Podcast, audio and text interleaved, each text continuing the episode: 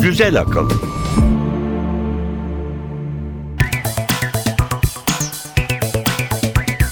Güzel Akıl 23. bölüme hoş geldiniz. Ben Emre Üç Kardeşler. Ben Elif Yılmaz. Bugün nelerden bahsedeceğiz? Kısa bir tanıtımımız var. Önce onu dinleyelim. Güzel akılda bu hafta. Tüm zamanların en iyi bisikletçisi, efsane sporcu Lance Armstrong yakayı ele verince anti-doping cephesi hareketlendi. Artık kimse elini kolunu sallayarak doping yapamayacak. Evrenin en gözde gezegeni keşfedildi. Peşinde bir değil dört güneş pervane. Hareketsizlik sizin de canınıza tak etmedi mi? Diyabet ya da kalp hastalığına yakalanmadan önce bu hayat tarzını terk etmek zorundayız. Derhal tekzip et Google. Artık kimse web sitenizi kullanarak çıkar sağlayamayacak. Direksiyon simidi olmadan araba kullanmak mı? Bizim için çok zor ama çocuklarımız çok rahat edecek. Hepsi bir arada, hepsi bir tablette. Çocuklar artık o ağır çantaları taşımak zorunda değil. Manchester Emniyeti'nin başı çalınan USB hafıza kartı yüzünden dertte. Siz siz olun, önemli verilerinizi mutlaka şifreleyin. Bilim ve teknoloji tarihinde bu hafta neler oldu? Cahillikler Köşesi ve bir portre. Stephen Jay Gould kimdi? Tek başına kimlere kafa tutmuştu? Neden Harvard Üniversitesi'nin en sevilen hocalarından biriydi? Onu bu kadar aykırı yapan neydi? Güzel akıl. Bilim haberleriyle başlayalım Emre. Doping kötü bir şey. Çok kötü. Hem büyük hilekarlık hem de sporcunun sağlığına illaki zararlı etkileri var. Ayrıca da çok büyük utanç kaynağı bence. Fakat çok yaygın. Evet özellikle de halter bisiklet gibi patlamalı güç ya da dayanıklılık gerektiren sporlarda çok yaygın. Bisiklet sporunun efsane ismi Lance Armstrong da bu işe bulaşanlardan biri. Çok kötü bulaşmış gibi gözüküyor hem de. Evet, doping yapanlarla onları yakalamakla görevli olanlar arasında hep amansız bir yarış var. Gerçi genellikle minareyi çalan kılıfı hazırlar hesabı doping maddesinin bazı testlerde çıkmasını engelleyici doping siliciler kullanılıyor. Kimsenin aklına gelmeyecek kaçış planları geliştiriliyor. Bu işte de bir bilim var aslında. Ciddi bilim hem de. Özellikle bisikletçilerin başvurduğu en baba yöntemlerden biri kırmızı kan hücrelerinin yapımını tetikleyen EPO yani eritropoietin hormonunu doğrudan kana enjekte etmek. Eskiden sporcular bir süre yükseklere çıkarlardı.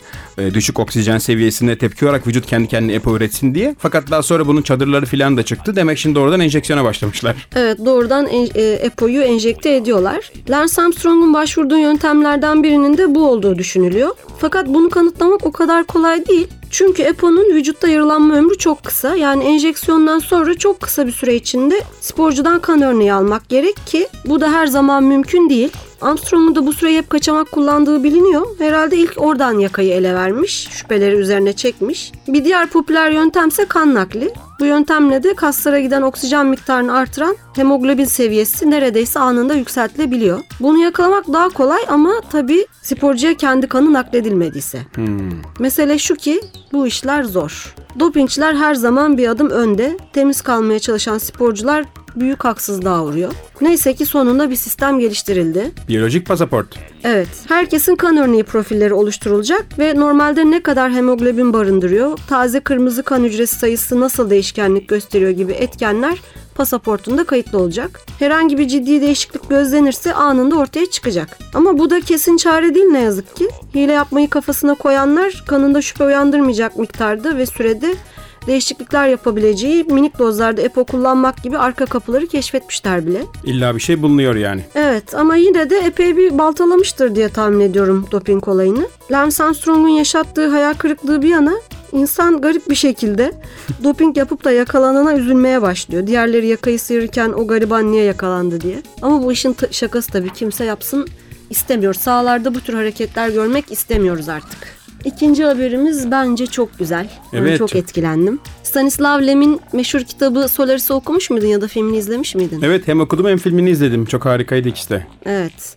Uzun uzun burada anlatamayız tabii ama şu kadarını hatırlatalım. Hikayedeki gezegenin yani Solaris'in iki güneşi vardı. Ben hikayeden olduğu kadar bu iki güneşlilik durumundan da çok etkilenmiştim. Ama şimdi aklımı resmen başından alan bir şey keşfedildi. Tahmin et kaç güneş?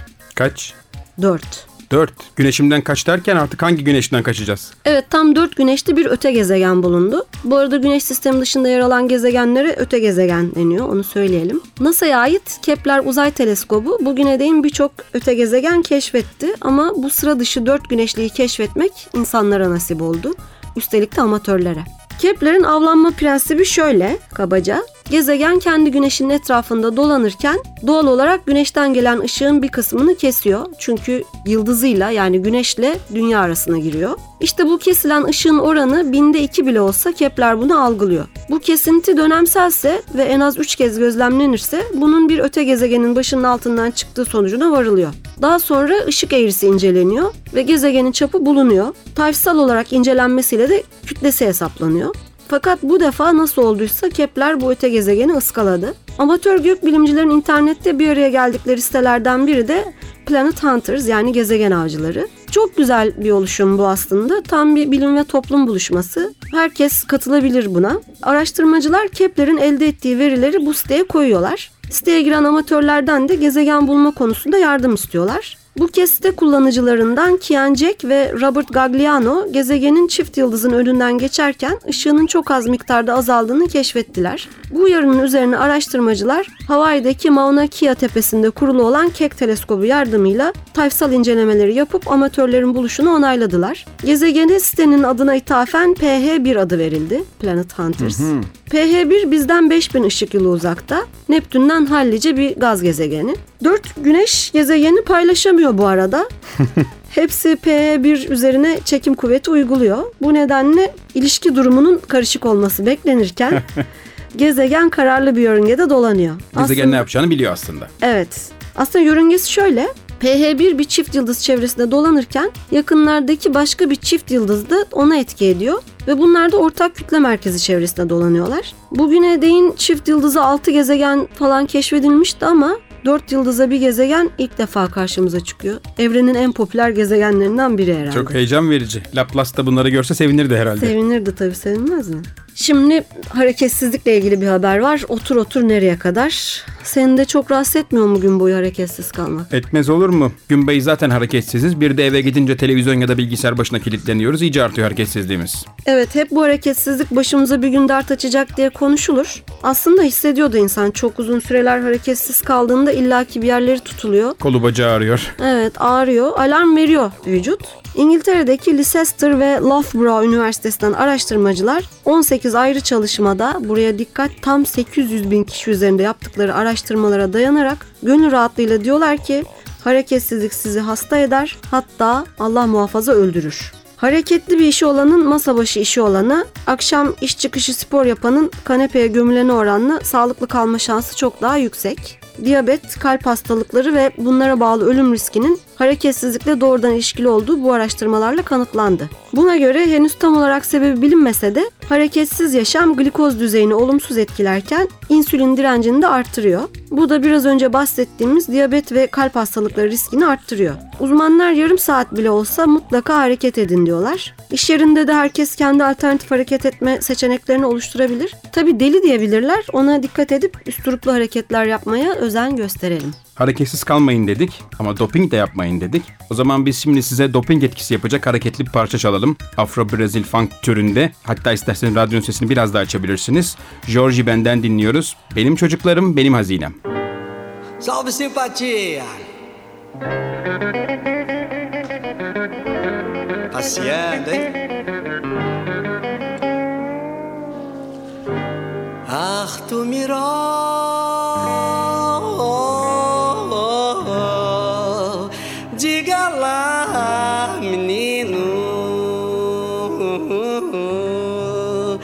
que é que você quer ser quando crescer?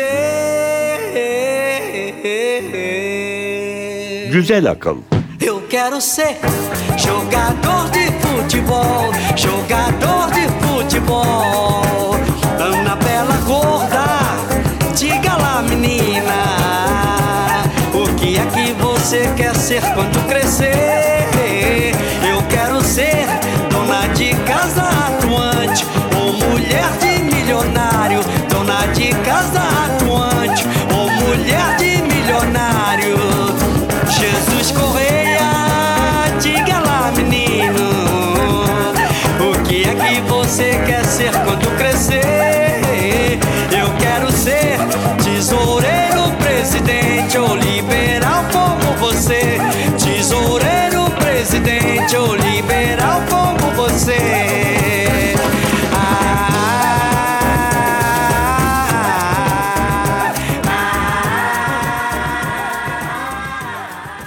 Güzel akıl.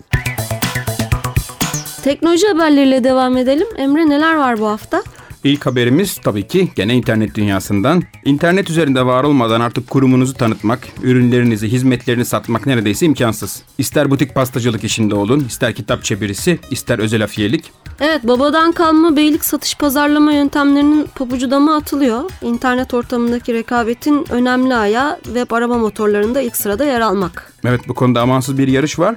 Diğer ayağı ise sizin ürün ya da servisinizin adına arama yapıldığı zaman ilk gelen linklerin gerçekten sizin linkleriniz olması ve adınızı kötüye çıkartacak linklerin gelmemesi ya da kötü ve alakasız linkler üzerinden sizin sitenize ulaşılmaması. Kişi ve kurumların rakiplerine dair arama sonuçlarını kötü yönde etkili tuzaklar kurmasına, manipülasyonlar yapmasına negatif arama motor optimizasyonu deniyor. Tabii Aman ki ne zor işler ya gerçekten. Evet bu konuda çok büyük bir rekabet var. Tabii ki en çok kullanılan arama motoru Google olduğu için en çok Google ortamında bu tip bir hileler ve manipülasyonlar söz konusu. Bu konuda iyi bir haberimiz var. Çünkü Google Webmasters Tool'un son güncellemesiyle eğer sizin adınızı kötüye çıkartan, kötü linklerden sizin kurumunuza e, link veren ayarlar varsa eğer bu kalite sitelere e, şikayet edebiliyorsunuz. Daha doğrusu tekzip edebiliyorsunuz. Yeni çıkan bir fonksiyonla tekzip et komutunu kullanarak bu sitelere ait linklerin sizin kurumunuza bağlanmasını ve e, arama sonuçlarında bunların gelmesini engelleyebiliyorsunuz. En Ne, azından yap- ne yapıyorsun? Tez teksip et mi diyorsun? bir nevi negatif optimizasyon çalışması yapan siteyi belirliyorsun. Linkini yazarak tabii ki kendin webmaster olarak orada bir e, hesabın var. Bunu tekzip et diyorsun ve Google arama sonuçlarında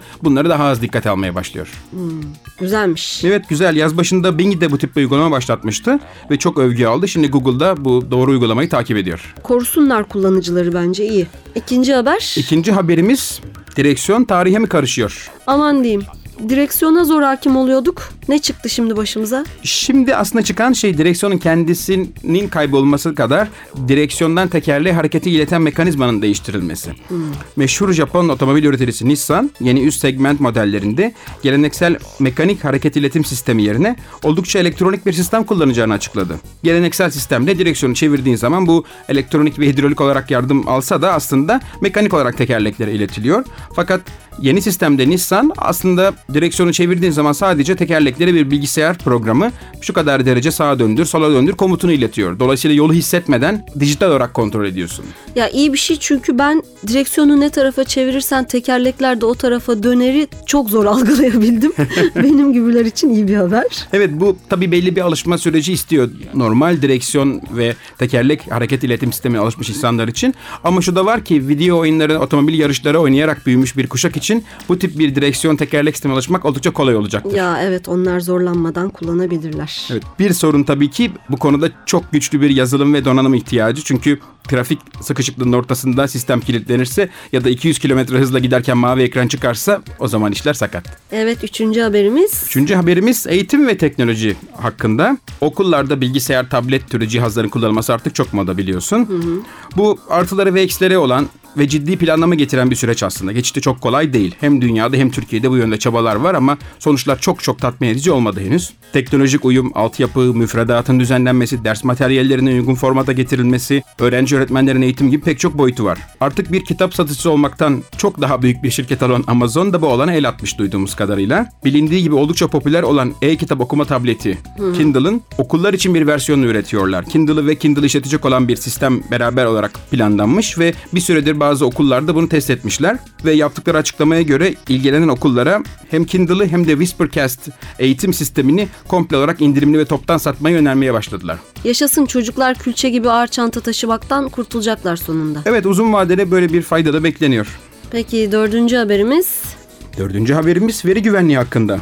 Veri güvenliği gerek çevrim içi gerek çevrim dışı elektronik ortamların çok temel sorunlarından biri. Bazen basit bir internet servisi için bile uzun uzun şifreler geliştirmek zorundayız. Şifreyi unutuyoruz, tekrar geri çıkarmak gerekiyor, kompleks prosedürler var. Bazen de çok önemli verilerin çok basit hatalar yüzünden güvenli olmadığına, güvenli bir ortamda olmadığına şahit oluyoruz. İşte böyle bir olay insan faktörünü bize hatırlatıyor. Her ne kadar karışık sistemler olsa da insan faktörü hala çok önemli. Evet. İngiltere'de Manchester Emniyet Biriminin 2011 yılında bu birime bağlı bir dedektifin evinden çalınan USB hafıza kartı yüzünden ciddi bir ceza aldığını öğrendik. Çünkü hırsızın çaldığı hafıza kartında binden fazla suçluya ait çok önemli bilgiler, bunların nasıl yakalanacağı, bunlarla ilgili sorumlu polis görevlilerin ismi ve detayları varmış. Bu yüzden İngiliz Enformasyon Dairesi Manchester Emniyetine oldukça yüklü bir ceza yazdı. Kulaklarını çekmişler. Evet işin ilginç tarafı bu USB hafızasında olan e, bilgiler değil şifrelenmiş olmak açmak için basit bir şifreyle bile korunmamış. Aa, çok güveniyorlar herhalde. O yüzden diyoruz ki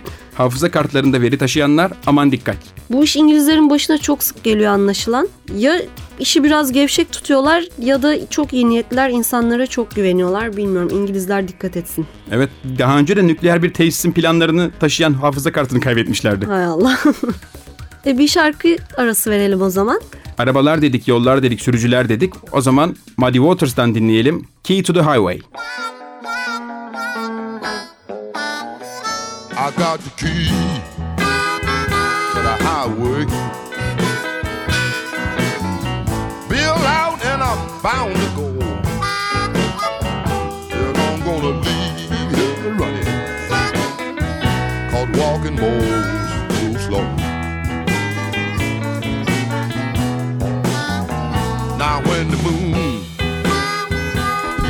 mountain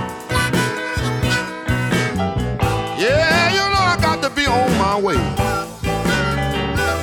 I'm gonna run the highway until the break of day.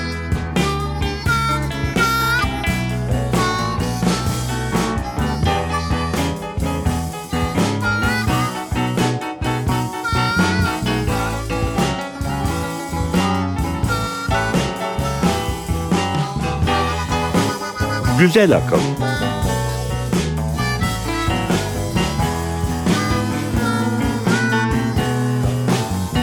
Now give me one, one more kiss, baby. Yeah, before I go, and I'm gonna leave you running, cause walking moves too slow.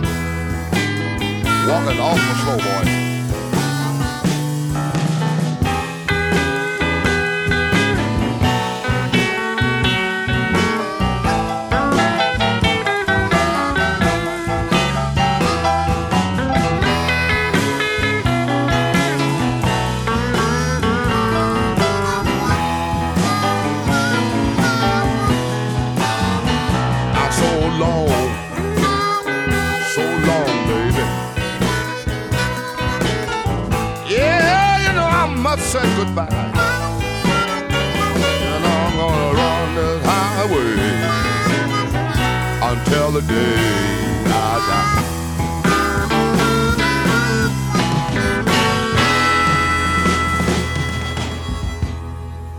Güzel akıl. Bilim tarihinde bu hafta.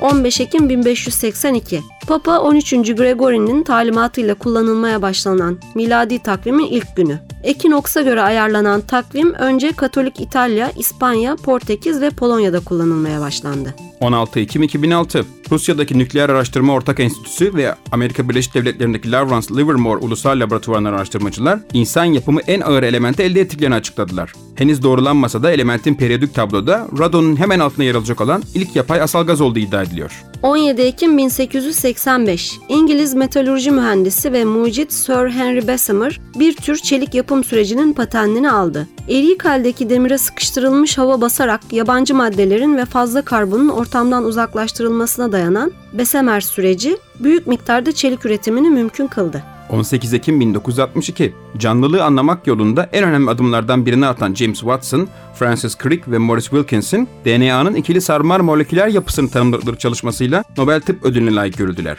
19 Ekim 1872 Avustralya'da tam 82,11 kilogram ağırlığında altın içeren maden kütlesi bulundu. Madenci Bernhard Otto Holterman tarafından bulunduğu için Holterman külçesi olarak bilinen kütle bugüne değin çıkarılan en büyük cevher oldu. Holterman yazık bu doğal külçeyi maden sahibi firmadan satın almak istemiş ama başka birine satmışlar. Fakat bir ay içinde yüzlerce madenci bölgeye hücum etmiş. Altına hücum. Evet. 20 Ekim 1983, 17. Ağırlıklar ve Ölçüler Genel Konferansı'nda uzunluk ölçü birimi olan metrenin 5. ve son yasal tanımı yapıldı.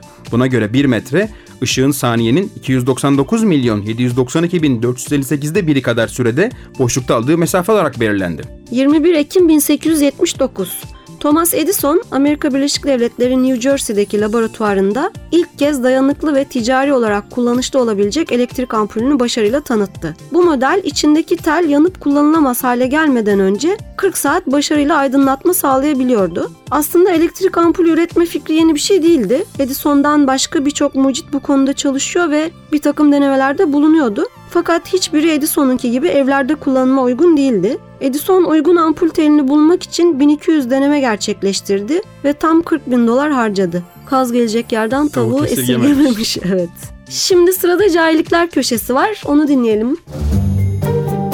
Cahillikler Köşesi Şişman ebeveynlerin çocukları da şişman mı olur?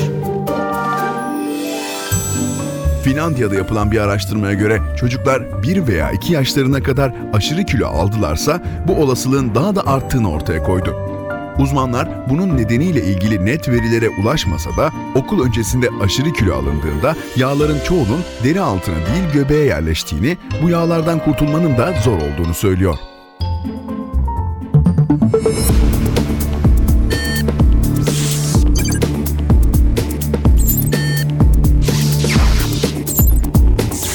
Güzel Akıl devam ediyor. Bu hafta portre köşemizde Stephen Jay Gould'u konuşuyoruz. Kendini evrenin merkezinde gören kibirli insanın tahtını sarsan mütevazi bilim insanı, Darwin'e rağmen diğer Darwincileri karşısına alan evrimci, hayatını bilimle toplum arasında sağlam köprüler kurmaya adayan gönüllü, tüm zamanların en sevilen popüler bilim yazarlarından, en üretken akademisyenlerinden biri. Amansız hastalığına kafa tutarak aynı kaderi paylaşan insanlara umut aşılayan inatçı kişilik, fosil bilimci, jeolog, evrimsel biyolog, bilim tarihçisi. İstersen bana Stephen Jay Gould'u da hatırlatan kısa bir parça dinleyelim şimdi. İdil Biret'in yorumuyla bir Schumann bestesi başka diyarlar ve insanlar hakkında.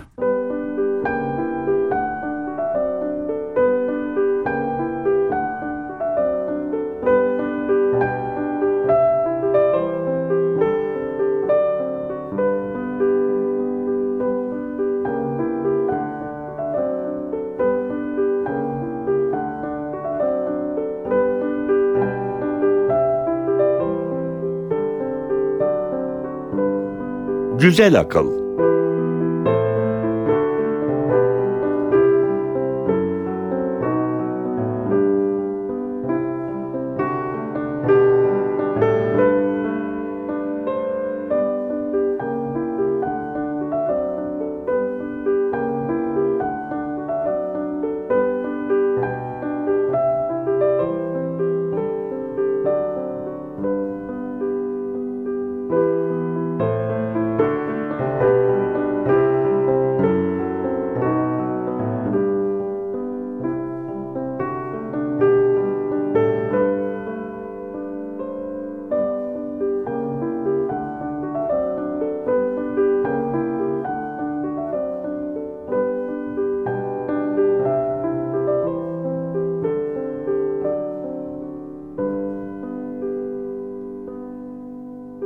Güzel Akıl Stephen Jay Gould aslında Stephen diye de telaffuz ediliyor ama biz Stephen demeyi tercih ediyoruz. 10 Eylül 1941'de mahkeme katibi Leonard ve ressam Eleanor Gould'un çocukları olarak dünyaya geliyor. Açık görüşlü ailesinden etkilenerek büyüyor. Bu etki daha sonra da şaşmaz otorite kabul edilen köklü düşüncelere ve tanık olduğu haksızlıklara karşı koyma gücünü kendisinde bulmasında önemli oluyor. Babası bilim tarihine, doğa tarihine çok meraklı ve 5 yaşındayken Stephen'ı Amerikan Doğa Tarihi Müzesi'ne götürüyor. Küçük Stephen müzede bir dinozor Tyrannosaurus Rex fosilini görür görmez büyüyünce ne olacağı da karar veriyor. Ne güzel. Fakat meşhur deneysel psikolog ve bilişsel bilimci Steven Pinker kimsenin ileride ne olacağına karar verdiği o ilk kan konusunda emin olamayacağını söylüyor. Bununla birlikte o bile Stephen Jay Gould'un kararlı kişiliğinin ve tutkusunun farkında olduğu için diyor ki Jay Gould karşısında şapkamı çıkarırım o ne diyorsa öyledir. Doğrudur.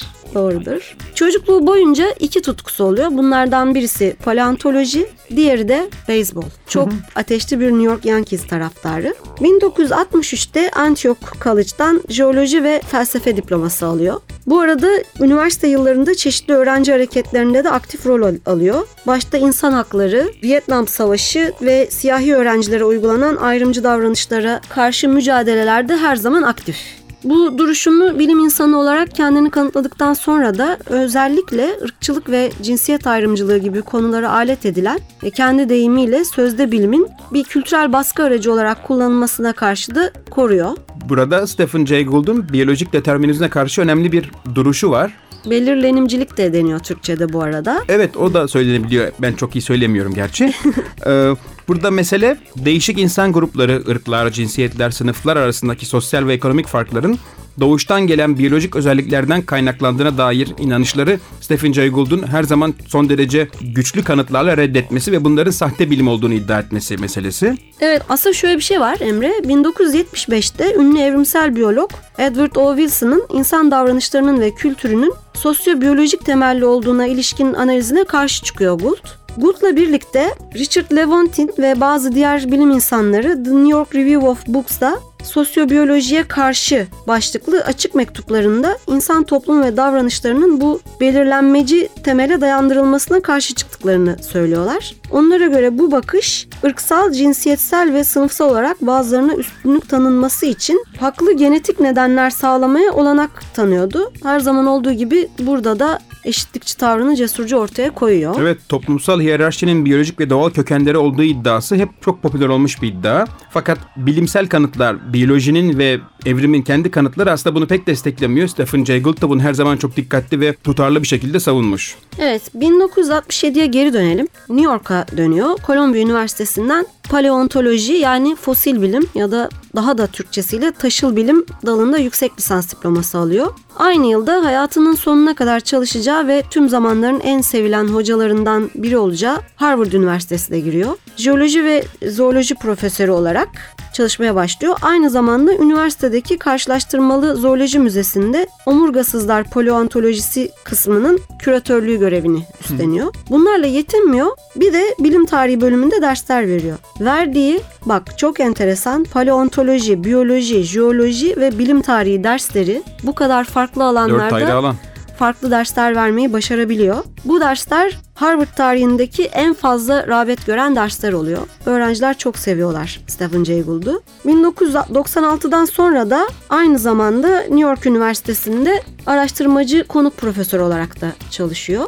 Bu arada yine 1967'de henüz öğrenciyken tanıştığı ressam Deborah Lee ile ilk evliliğini yapıyor. İki de oğlu oluyor Deborah Lee'den. Fakat gençlik aşkıyla daha sonra yolları ayrılıyor ve 95'te yine ressam ve heykeltıraş Rhonda Roland Shearer ile dünya evine giriyor. Gene bir sanatçı. Evet sanata olan ilgisini buradan anlayabiliriz. Bir de aslında çok renkli bir kişilik. Bilim dışında farklı merakları da var. Demin söylemiştik beyzbolu çok seviyor. New York Yankees taraftarı.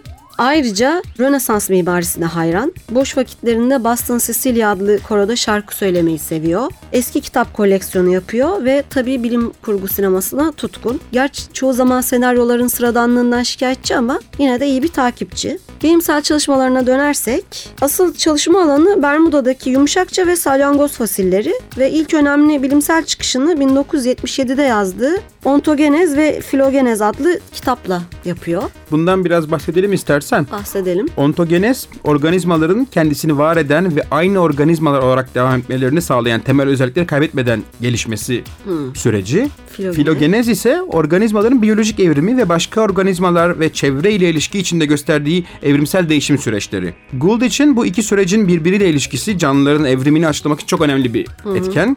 Ontogenez değişimlerdeki farklılaşmalar ve zamanlama farkları filogenez seçimin ham maddesini oluşturuyor diye düşünüyor ve bu süreç karşılıklı olarak devam ediyor. Kitapta sen ne söyledin? Özellikle evrimsel tekrarlama kuramına karşı çıkışıyla tüm evrimsel biyologların dikkatini çekmeye başarıyor. Yakın çalışma arkadaşı yine paleontolog Niels El- Eldridge ile birlikte evrimsel biyolojide farklı bir cephe oluşturuyorlar. Karşı çıktıkları konu şu aslında. Evrim kademeli olarak değil, uzun duraklama dönemlerinin izlediği sıçramalı geçişlerle oluşuyor kimi zaman diyorlar. Yani kimi durumlarda aslında aranan kayıp halkanın zaten olmadığı, türler arası geçişin jeolojik olarak anlamlı olan yani milyon yıllardan bahsediyorlar. Ee, böyle zamanlarda ani bir sıçramayla mümkün olduğunu söylüyorlar. Ortaya attıkları bu savada kesintili denge kuramı diyorlar. Evet Diğer- aslında bu kurama göre ortada bir kayıp halka bile yok. Kayıp halka olarak tanımlanan şeyin o kadar da kayıp olmadığını açıklıyor bu teori ve bu sıçramalı denge teorisi dedikleri açıklama aslında fosil bilimcilere buldukları malzemenin zamansal ve mekansal farklılaşmasına dair ve bunları sınıflandırmaya dair çok önemli bir açıklama.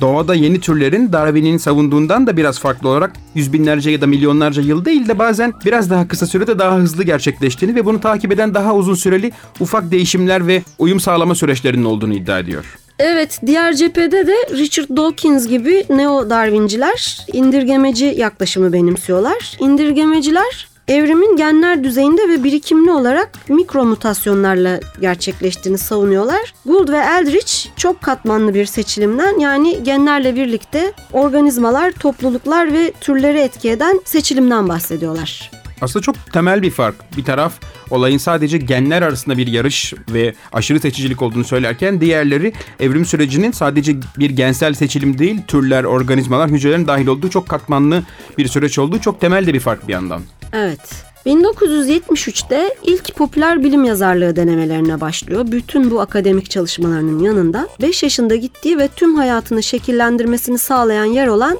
Amerikan Doğa Tarihi Müzesi'nin dergisi Natural History'de Yaşama Bakış adlı bir köşesi oluyor. Yaklaşık 25 yıl boyunca bu köşede yayımladığı kesinlikle didaktik olmayan eleştirel ve açık yazılarıyla ayrıca kullandığı basit ve popüler dille bilimi toplumla gerçek anlamda buluşturmayı başarıyor. Zaten 73-77 arasında yazdığı yazılar daha sonra meşhur kitapları Darwin ve sonrası doğa tarihi üzerine düşünceler ve Panda'nın baş parmağında bir araya getiriliyor. Ki Türkçe'de Panda'nın baş parmağı yayınlandı. İkisi de yayınlandı. İkisi de. Hı hı, evet ikisi de var Türkçe'de. İkisi de en çok satan popüler bilim kitapları arasında yerlerini alıyorlar. Bu kitapları niceleri takip ediyor. Çok kitap yayınlamış. 22'ye yakın sanırım e, popüler bilim kitabı yayınlamış hayatı boyunca ve bununla da kalmayıp 500'e yakın aka- akademik makale yayınlamış. Evet hatta 300 deneme 101 de kitap eleştirisi var. Ne güzel. Gould'un 1979'da yazdığı ve Spandrels adıyla anılan yani sanırım mimaride kemer köşeli ya da kemer üstü dolgu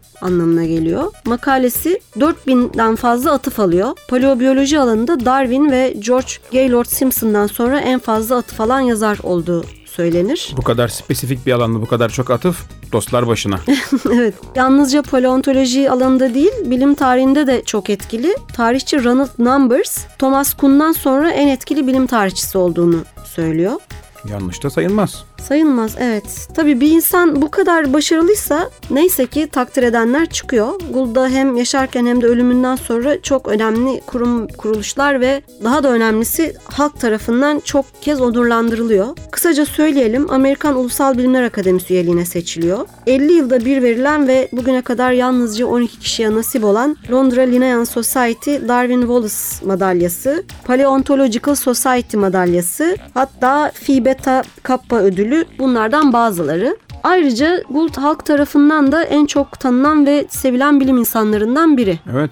Amerika'da birçok e, televizyon programında hem konuk oluyor hem bunların yapımında görev alıyor. Hatırlar mısın bilmiyorum biz çocukken vardı 3-2-1 Kontak diye bir çocuk programı vardı. Şu şen matematik falan olan Evet evet program var. öyle öyle köşeleri vardı. Bunun da yayın kurulunda yer alıyor. Ayrıca da programa da sık sık konuk oluyor. Bir de bana enteresan gelen 97'de bu meşhur çizgi film The Simpsons'ın bir bölümünde kendi karakterini Ne seslendiriyor. güzel. Ailenin bilime meraklı kızı var ya Lisa. Lisa bu bölümde bir iskelet buluyor ve bunun DNA'sını incelesin diye Jay Gould'a başvuruyor. Jay Gould bu senaryoda sadece tek bir yere itiraz etmiş. O da ne biliyor musun? Neymiş? Şöyle bir cümle varmış. Dünyanın en iyi paleontoloğu deniyormuş. Bu cümlenin çıkarılmasını istemiş. Çok mütevazi bir insan. Simpsons ekibi de e, Gould'u unutmuyor ve 2002'deki 13. sezonun son bölümünü ona ithaf ediyorlar. Maalesef bu bölüm yayınlanmadan iki gün önce Stephen Jay Gould hayatını kaybediyor. Yetişemiyor yani. Aslında çok uzun süredir hasta. Hatta ilk olarak 82'de bir kanser teşhisi atlatıyor galiba. konuyor. Evet onu atlatıyor ve çok büyük umut oluyor insanlara. Çünkü bir takım katı yargılar var. Bu tür kanserden sağ çıkma oranının çok düşük olduğuna ilişkin. Evet orada da kansere dair bazı istatistiksel verilerin çok da doğru hesaplanmadığını, ortalamayı çok doğru yansıtmadığına dair bir hesap çıkarıyor oradan da galiba. Evet bir meşhur makalesi yayınlanıyor hatta. The median isn't the message.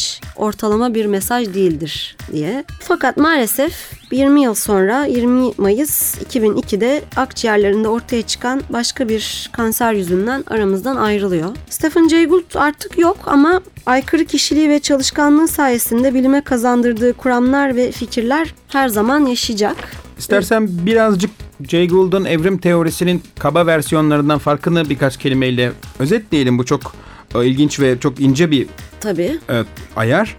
Gould evrimsel sürecin belirli bir amaca doğru böyle çok tutarlı, tahmin edilebilir ve hatta her zaman gelişme anlamına gelen süreçler olmadığını düşünüyor ve açıklıyor. Burada pek çok atlama, sıçrama ve belirsizlikler olduğunu ve mutlaka daha karmaşık ve güçlü türlerinde ortaya çıkmak zorunda olmadığını söylüyor. Bilim adamlarının karmaşık ve gelişmiş olarak adlandırılan canlı türlerin istatistikler dağılımını da çok doğru hesaplayamadığını aslında karmaşa denen şeyin hem basitlik hem de daha karışık karmaşıklığa doğru giden bir yapısı, istatistiksel yapısı olduğunu iddia etmekte. Evet, Gould'un tüm bu canlılık serüvenine nasıl baktığını anlamak için belki kendi sözlerine kulak vermek gerekiyor. Darwin ve Sonrası adlı kitabında Gould şöyle diyor. Merakı ve bilgiyi el üstünde tutmak gerektiğini düşünüyorum. Sergilediği uyum planlı değil diye doğanın güzelliğini daha mı az takdir edeceğiz? Kafamızın içinde milyarlarca nöron var diye aklımızın potansiyeli içimizde artık hayranlık ve korku uyandırmayacak mı? Çok güzel özetlemiş Stephen Jay Gould ama biz maalesef bu haftada programımızın sonuna geldik. Bir şarkıyla veda edelim mi? Bir folk klasiğiyle bitirelim. Tamam. You Are My Sunshine. Hoşçakalın. Hoşçakalın. The